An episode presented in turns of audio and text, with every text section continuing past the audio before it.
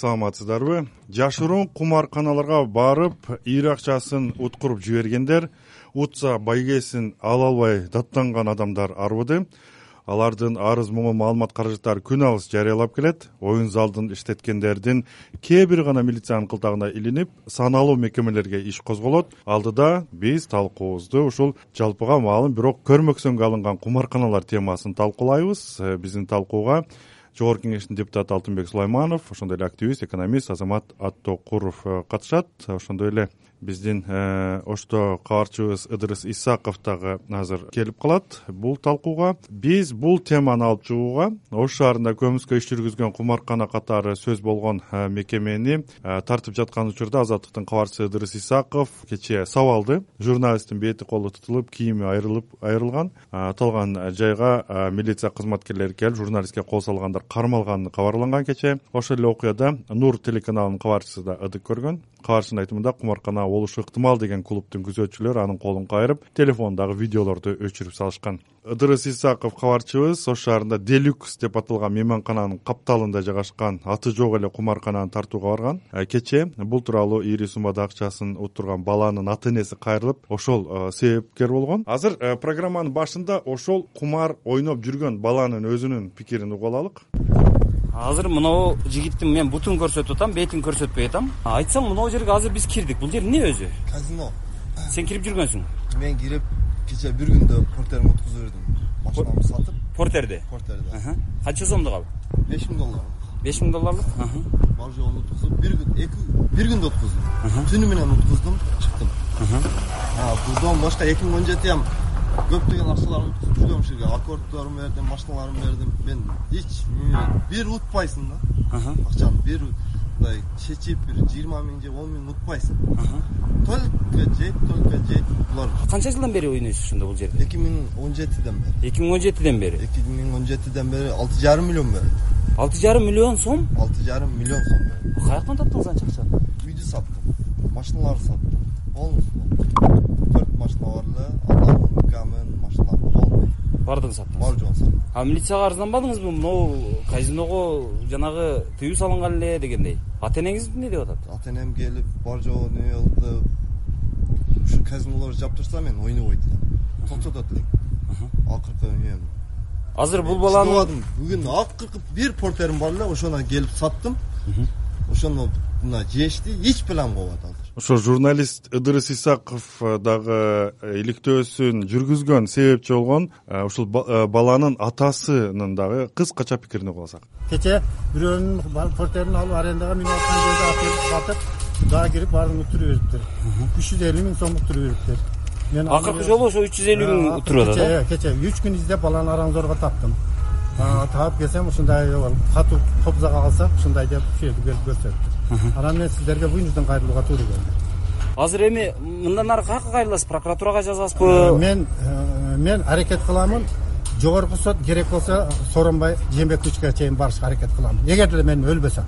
Эми мен уже мен алтымыш үчкө чыккан чалмын. Эгерде кудай мага өмүр бербей алып кете турган болсо анда калды. Эгерде ушунун мен аягына чыгам деген ниетим бар. Э, мен керек болсо сооронбай жээнбековге чейин барамын демек баланын дагы акыркы уттуруп салган э, портер ал өзүнүкү эмес э, ижарага алган э, портер. Угарман биз бүгүн арай көз чарай талкуусунда ушул көрмөксөнгө алынган кумарканалар темасын талкуулап атабыз биздин студиянын коноктору алтынбек сулайманов жогорку кеңештин депутаты. Ошондой эле активист экономист азамат аттокуров алтынбек мырза кумарканалар ачык эле кандай деп ойлойсуз? Негизинен бул кумарканаларды жабуу бүгүн тыюу салынган эки миң он биринчи жылы э, жогорку кеңештен биз э, мыйзам кабыл алганбыз. эки миң он экинчи жылы күчүнө кирген январда.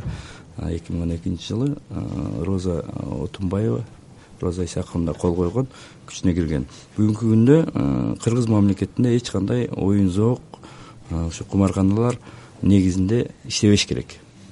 Иштебеш керек эгер мыйзам иштеген болсо. Булар баардыгы көмүскөдө көмүскөдө иштеп аткан э, кумарканалар э, булар жөн иштеген жок. Булардын бүт артында э, чоң күчтөр бар. Алар кимдер алар органдар. Ошол эле органдар буларды дайыма крышевать этип келишет. Текшерүүчү өздөрү текшере тургандар булар крышевать этип келет. Ошон үчүн бүгүнкү күнгө чейин ушул мыйзамсыз иштеп келе жатышат мына азыр биздин студиябызга ушул иликтөө биздин талкуубузга себепчи болгон журналистибиз ыдырыс исаков отурат ыдырыс микрофон. Чын эле ошол милициялар кандай реакция берди мисалы дилгерлиги реакциясы. Биринчи реакциялары. Саламатсыздарбы? Өзү кандай десек? Ошол биз барган учурда наряд келди. Анан ошондогу балдардын айрымдары ошол четке чыгарып мени. Ошол учурда эле айтышты. Эми сен түшүнөсүң да. Биз деген жанагы эмеге жогорудагы жетекчилерге доля берип турабыз үлүш берип турабыз. Анан эгерде үлүштү бербесең тепкини биз жейбиз. Анан үлүштү бериш үчүн ушуга окшогон нерселерге биз көз жумабыз. Мунун качантан бери иштеп атканын биз мурдатан эле билчүбүз. Деп айтышты өздөрүнүн мойнуна алышты да бирок эми булар милиция кызматкерлери ачык айтпайт муну. Ачык сүйлөбөйт анан ошол эле учурда бизге дагы башка маалыматтар келди. Андан мурдараак эки казино дагы бир казинону ачкан үчүн дагы бир үч төрт кызматкерди ошол ош шаардык милициясынын жетекчиси иштен алды деген сөздөр болду. Бирок мен муну ош шаардык милициясынын жетекчисинен өзүнөн дагы сурадым ушундай деген сөздөр жүрөт ушул чынбы деп. Десем ал албетте эми жанагы жок ал жалган. Менин душмандарым ушундай сөздөрдү чыгарат деген сөздөрдү айтты бирок бизге ошол жана кечээ маалымат чыккандан кийин дагы бир нече ушул каттар жеке билдирүүлөр келип атты. Анда көбүнчө ошол милиция кызматкерлери өздөрү баардыгы жанагы үлүш алып турушат. Баардыгы булардын колунда мындай көзөмөлүндө эле турат деп айтып ыдырыс сиз азыр э, арыз менен кайрылдыңыз э, ушул кумаркана боюнча. Кандай арыз ал? Кабыл алыштыбы кабыл алышты мазмуну кандай мазмуну? Мазмуну ошол бир нече жылдан бери иштеп аткан казинону эмне үчүн милиция кызматкерлери көрбөйт? И ошол көрбөгөн жетекчилерге карата мындай юридикалык баа берилишин талап кылдым да. Рахмат. Активист экономист азамат абтокуров отурат азамат сиз кандай пикирдесиз? Э, чындыгында баарыбызга тең белгилүү. Ошол э, милициянын чоң чоң ири кызматкерлери булардын баарын тең баягындай көмүскө чатыр болуп турат э мындайча айтканда крышасы деп. Бүт кыргызстан бир эле күндө демек жок дегенде бир жыйырма отуз миң доллар табат экен да э бир өлбөдү дегенде. Ооба. Абдан эле чоң абдан эле көп буларчы. Мисалы үчүн кытайлардын дагы көбүнчө ушундай казинолор да бар Кыргызстанда? кыргызстанда бишкекте дагы ошто дагы. Э, демек бул нерсени мындай жоюп болбойт да эсептегенде баягы отузунчу жылдардагы бутлегерский закон э сухой закон деп коет го. Аракты запрет кылганда ушондой криминалдык чөйрө ого бештер э, көбөйөт ошол себептен муну бир гана ушул жагдай легализация кылыш керек. Бирок жабык зоналарда. Мисалы үчүн чек араларга жакын. Тажикстан өзбекстан казакстан менен кытай менен чек жакта өзүнчө бир жабык зоналар болот. Ал жака паспорт менен кирип анан кийин кумар ойношот эсептегенде адамдын негизинде кумар деген бар. Баягы азыр ошол казино десек жанакы сетевой бизнес финансовый пирамидаларда болуп атпайбы? Бул дагы кумардын бир түрү анан дүйнө жүзүндө ошол мамлекет э, мындай нерселерге өзү баягындай э, гос лотереялерди чыгарып ошол кумарын башка жака бурат азыр бизде көп кумарканалар немеге да кетип калат интернетке дагычы. Бизде угарманыбыз бар экен саламатсызбы сары мырза. Кандай канчарынан саламатчылык э, кыскача айтып койсоңуз пикириңизди муну мындай да бул ушул казино оюндарды мынагу уруксаты жок экенин баардыгыбыз билебиз мыйзам чыкканын билебиз. Мына азыр эле айтпадыбы тиги алтынбек турдубаевич дагычы депутатыбыз муну бир гана жолу бар да. Азыр мынагу турдубаевич эртең мына тиги пленардыкка отурум болот парламентте. Муну коюш керек маселени ички иштер министрлиги жооп бериш керек баш менен мына сиз да айтып атасыңар мына бишкекте да ошол атат кадимкидей элечи именно милиционерлер өздөрү крышевать этип аткандай неме айла жок да просто бул эмне деген нерсе эй ошон үчүн эме алтынбек турдубаевич эмне угуп атат айта сиз муну эртең Угуп атабыз, коюңуз угуп атабыз. пленарный заседаниеге болбойт мындай? Коебуз рахмат. Ушундай ушундай ушул ушул болобу ушул мамлекетте ушундай э бул баардыгы мына ушундай мына баардыгы баардыгы көрүп турат баардыгы билип турат да как будто эч нерсе болбогондой эми уже сабап киришти мынакей журналисттерди рахмат анан э, эмени койбогонуң буларды эми маселе алдашат муну азыңды алып кой минтип койт тигинтип коет до конца тургун акырына чейин баардыгын жооп кайтарыш керек. Рахмат. Акмактарды алтынбек мырза ушул э, мисалы э, законду сунуштаган ошол эки миң он биринчи жылдагы бакыт жетигенов Жетигенов, сыяктуу ушундай депутаттар дагы күйүп жанганын көрбөйсүң да? Же мен сезбей атамбы же медиа сезбей атабы иш кылып депутаттар дагы бир кандай бир күч болуп бере алабы бул нерсе? Депутаттын негизги ыйгарым кайра көзгө укуктар козгоп. мыйзамды чыгарыш керек ошол э, мыйзамды иштеп атканын контроль кылыш керек. Бул негизи депутаттын милдети. Депутаттар сиз туура э, эме замечание берип атасыз э, унчукпай отурасыңар дегендей. Бул көптөн бери болуп келатканын элдин баары эле билет да иштеп атканы себеп дегенде милициялар башка фин полиция башка прокуратура күч органы ба- баары билишет экен муну бир эле милицияга шылтаган болбойт ошо райондук же бир областтык деңгээлде буну э, үстүңкү э, жогорку чоңдоруна чейин билишет. Себеп дегенде бул жерде чоң э, акча оборот болот. Ошондуктан буга баардыгы отуруп алышкан бул бул негизги эң проблема бул мыйзамдын иштебегени. Мыйзам бир эле жерде эмес көп жерде иштебей атат негизинен. Бүгүнкү биздин мамлекетте мыйзам эмес конституция бузулуп атат. Мындай көрүнүштөр толтура болуп атат. Ошондуктан мыйзамды биз иштетишибиз керек муну кайрадан иштетебиз деген такыр туура эмес бул эски мисалдарды келтирип да мына ийиним айтып атпайбы бирок бизде туура эмес бул ушул бүгүн бир эле көрүнүштү биз талкуулап атабыз азыркы э, баланы. Мындай көрүнүштөр э, он биринчи жылы жүздөп болгон бизге жүздөгөн кайрылуулар болгон канча ата энелердин ыйлагандарын биз укканбыз көргөнбүз. Ошон үчүн ошол э, мыйзамды биз э, иштеп чыгып мыйзамдан кийин баары бир азаюу болду деген. Азаюу азаюу сөзсүз болду азаюу сөзсүз болду. Мурдагы да ачык но азыр дегенде буну мыйзам иштеш керек буну жабыш керек биз. Э, ошол мыйзамды иштетпеген ошого каршы иштеген күч органдары баардыгы жооп бериш керек негизинен ыдырыс азыр э, ыдырыс даярданып тургучу азыр бир мүнөт. Угармандар э, сурап атат. Биздин номерибиз бар атайын whatsapp номерибиз бар. Бул талкуудан кийин деле пикириңизди калтырсаңыз болот. Э, нөл беш жүз элүү токсон сегиз сексен жети элүү беш бул биздин whatsapp номерибиз. Мисалы ушул жерде жазып дордой базарында бир кумаркана көптөн бери эле иштеп келе жатат сыртынан карасаң эч нерсе билинбейт бирок иштеп атат. Кумаркана азаттык мен силерди ээрчитип барып көргөзөм дейт. Турист деген э, адам жазды да дерсиз азыр мындай болуп атат азыр биз э, буга чейин жанагы казино казино дегендин классикалык бир түрү менен күрөшүп келген да. Закон дагы ошону менен күрөшкөн. Азыр э, ушул кумар оюндары толугу менен жанагы виртуалдык бир формага өтүп кетиптир. Аны мисалы биздин биздеги айтишник болобу же башка болобу ушундай бир адистер анын казинонун казино экенин далилдей албай убар экен да. Мисалы азыр милицияга барсак айтып атат деле А, азыр иштеп аткан үч төрт эме бар экен ачык эле. Ушул ушул сыяктуу оюн залдары. Бирок алардын баардыгы жанагы бул казино эмес деп далилдеп салып атышат да. Анан ушул жагынан алганда эксперттер болобу башкалар болобу анын казинонун казино экенин далилдей албай мындай алганда ит болуп атышат десек болот да. Ал да тотализатор андай мындай мыйзамда мыйзамда четко жазылган кыргыз мамлекетинде оюн зоок бүт түрү тыюу салынат деп. Ал э, азыр идирис иним айтып аткандай ал шылтоо. Алар өздөрү крышевать этишип өздөрү ошол шылтоо шылтоосу да булардын шылтоо.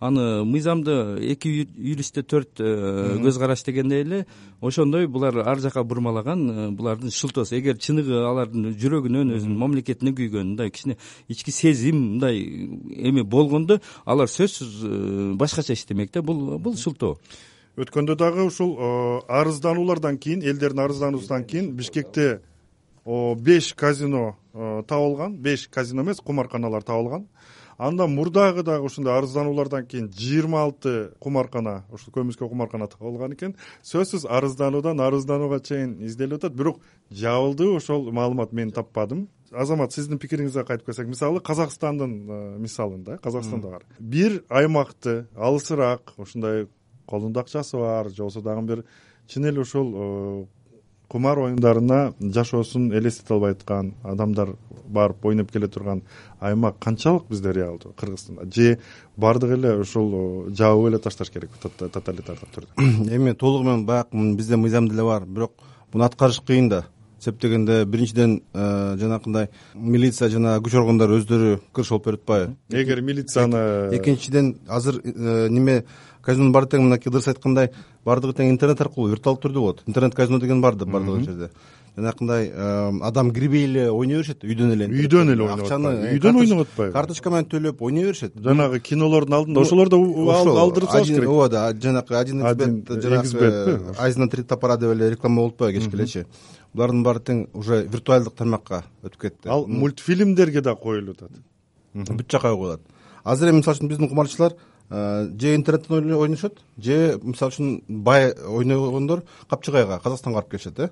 Ошол жака барып атайын такси жалдап бир күн эки күн жашап анан келишет. Бул эми баягы чындыгында өлкөгө жакшы салык алып келүүчү жагдай бирок жанакы мен айткандай жабык алыс болуш керек чек ара жакта болуш керек дегендей ошондой эле жумуш ордулары түзүлөт кошумчалайынбы ооба. Чек арада өзүңүздөр жакшы билгендей мына лейлектин арка деген айылында чек арада аябай толтура казинолор болгон ошол убакта.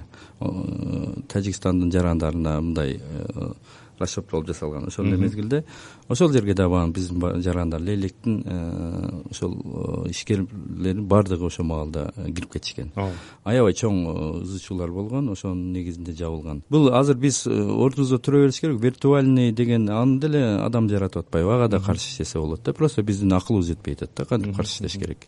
Биздин аракетибиз жок болуп атат. Ушу шылтоо менен жанагы түрдүү шылтоолор менен биздин органдарыбыз ошол жактан келип аткан тамагын эч мындай кылгысы келбейт. Ошон үчүн шылтоо сиздер мына үчөөңүздөрдүн кимиңиздер? Казино ойноп көрдүңүздөр жашооңузда жок. Ойнодуңарбы ойноп көргөмүн ооба казинону э, ойноп көргөн болсоңор билишиңер керек да. Казинону эч ким утпайт. Казинону только казинонун э, ээси утат деген сөз бекер эмес да. Казинону эч ким уткан эмес и анын бүт өзүнүн өзүнүн жолдору бар өзүнүн ну бүгүнкү жашоого карап ошо жана виртуальный казинолор иштеп атат. Ага дагы каршы деген өлкөлөр жок эмес толтура да. Бул казино бул негизинен бул кумар өзү бул биздин менталитетке кыргызга туура келбейт. Исламга туура келбейт бул арам деп айтылат. Э, бул арам бул казиноду казинону ойногон адам эч качан э, жыргабайт итөк аягы э, ошондой болот. И казинону иштеткендер дагы жыргаганын биз көргөн эмеспиз да. Казино эч качан адам баласына биздин кыргызстанга жакшылык алып келбейт. Муну мен твердо айта алам. Буну буну менен күрөшүш керек мыйзамды иштетиш керек. Эгер биз дагы азыр ойлонуп көрөбүз ошо виртуальный ошондой жанагыдай мыйзамды кайрадан карап чыгыш керек экенбиз. Ага дагы каршы иштегенге аны дагы э, тосконго биз аракет кылыш керек мыйзамды гана иштеткенге баардыгыбыз жапа аракет кылыш керек. Башка жол жок. Э, бирок ошол э, онлайн дегендерге дагы эгер расмий кайрылууларды жөнөтсө ошол сайттар сөзсүз түрдө реакция бериш керек. Ошол эле гугл же болбосо дагы эле ошол эле сөзсүз реакция берет. Мисалы гугл деле сурап турат. Бул реклама сиздин сизге жагып атабы жакпайбы ооба жакса болот буну э, аракет кылган киши жок да. Буну менен иштеш керек да. Ошол эле учурда мисалы ошол казакстанга дагы барып ойноп келген э, жарандарыбыз бар да. Анан анда биздин ошол кумарга жакын адамдар менен кандай иштеш керек адамга байланыштуубу анда бул. Бул адамга байланыштуу кайсы бир э, адамдардын бир э, пропаганда жетпейт атабы бир эмеси бир какой то процент э, адамдар сөзсүз бир түрдүү ушундай эмелер менен алек болушат эми. Бул бул негизинен бул научно доказано бул эгер казино жабылса дагы башка бирдекелерге кетиши мүмкүн бир какой то процент бирок ошолор жалпы ачык болуп туруп калган элди сүйрөп кетпеш керек да. Ошон үчүн мына запреттер болгон да. Алар эми ар түрдүү бекинип алып үйүндө карта ойногондор бар башка бар бир чайханада отуруп алып карта ойногондор бар кумар ойногондор булар бар. Булар э, бул какой то процент. Э, алардын үстүнөн дагы э, тарбиялык иштер жүрүш керек. Мамлекет дайыма жүргүзүп келиш керек. Буларды көбөйтпөгөнгө аракет кылып. Бирок ошол массага жайылган оору болбош керек. Бул казинолор деген бул бул оору да бул. Анан жанагы өзүнүн ата бала айтып атпайбы. Бир өзүнүн бала айтып атат өзүнүн э, уткузганын ошону бир машинесин. өзүнүн мындай ийгилиги катары түшүндүрүп айткандай болот. мен дагы ал уялыш керек. Ал ал тарбия көрбөгөн бала ал атасын какшаткан ата энесин какшаткан ал болгон акыркы дүйнөсүн уткузуп дагы арендада минип аткан эфирде эфирде аны уяткарбай эле коелук жок ал ал туура эмес ал ал пропаганда ал ал ал элди кайра ушундай эме кылган ал туура эмес. бизде угарманыбыз бар экен саламатсызбы? Алло саламатсыңарбы? Мен рыскулова бүбүсара бүбүс айым саламатсызбы? Мына сиз э, бул э, темага жакын адам катары депутат сулаймановго журналист идрисовго рахматымды айтып коеюн дедим эле убактыңар аз калды такыр байланыша албай айта бериңиз айта бериңиз эми бул он биринчи жылы э, ошо сулайманов депутат болгондо мен тиги эмесине баргам бакыт жетигенов көп эми эми азыр эми кыскача айтканда эми виртуальный тияк биякта айттык закондор иштебей атат биринчи президентке жолугушуу болгондо мен да чакырдым эле ошондо айттым эле. Мына тиги жабыркаган аялдар кат жазышты да. Өзүмдү өрттөйм деди жүз миң сом укмушта эми зам министрге чейин барганбыз канча аракет кылдык канча жылдан бери? Кайтип иштеп келет кайтип иштеп келет. Мен жакында өзүм тиги прокурорго да кат жаздым. Байкуш энелер темселеп чуркап жүрүшөт президентке чейин бияка чейин. Ушу эме депутаттар чогулуп алып токтотпойбу бул мына эме арам деп атат тиги динде дагы. Ошо ошо динди дин багытта иштегендер дагы эмне үчүн унчукпай отурушат. Мына көчөдө эле турат мрейд деп эле а түбү жанагы эле эме казинонун эмеси да. Рахмат бүүсара айым рахмат сизге. Э, бүүсара рыскулова өзүнүн пикирин э, байланышка чыгып айтты. Сезим кризистик борборунун негиздөөчүсү жана жетекчиси эң көп кумарканалардан жабыркаган эркектердин аялдары жана үй бүлөлөрү ушул сезим кризистик борборунан гана түнөк таап келет. Ыдырыс айта турган сөзүң бар кыскача эле илгертен бери эле адамзат жанагы сойкулук менен күрөшүп келет да бирок сойкулукту эч ким жеңе албай атат да. Жанагы абсолюттук бийлиги бар султан сулаймандын маалында деле ошол аракечтик сойкулук дегендерчи тыйылбай атат ошодон бери эле мисалы андан кийин деле ушул ага карабай бизде кечээ министрлик деле айтып чыкпадыбы сойкулук менен күрөшөбүз депчи анан күрөшүп эч ким жеңе алган эмес да. Анан ошол сыяктуу эле мына кумарды дагы кумардын дагы табияты ушундай бир табияты бар да. Азыр биз баягы кыргызстан моралдык бир мындай туткун дейбизби моралдык бир өзүбүздү өзүбүз чектөөлөрдүн мындай мындай туткунунда калдыкпы деп деле ойлоп кетем. Анан жанагы экономикалык соображение менен алганда экономикалык бир көз караш жагынан алганда кандай болуп калат депчи. Мисалы канча адамга зыян келет канча адамга пайда келет. Мисалы арканын адамдары айтып атышты ошол маалда бизде инфраструктура өсүп баштады эле жанагы ошол жанагы лейлектеги бизде убактыбыз түгөп калды алтынбек мырза кечирим депчи жанагы бюджети кичине азыр. эле элүү алтымыш эки секунд кошпоюмбу ошол убакта беш жүз миллион сом болгону түшкөн казинодо. Ушунча э, казинонун баардыгынан беш жүз миллион сом болгону түшкөн кыргызстанга. Бюджетке. Рахмат. Ал жерде эч кандай бюджет менен муну байыта албайбыз рахмат рахмат. урматтуу угарман сиз арай көз чарай талкуусун уктуңуз. Бүгүн студияда жогорку кеңеш депутаты алтынбек сулайманов экономист азамат аттокур жана ыдырыс исаков кабарчы жана мен сабыр абдымомунов алып бардым. Эсен туруңуздар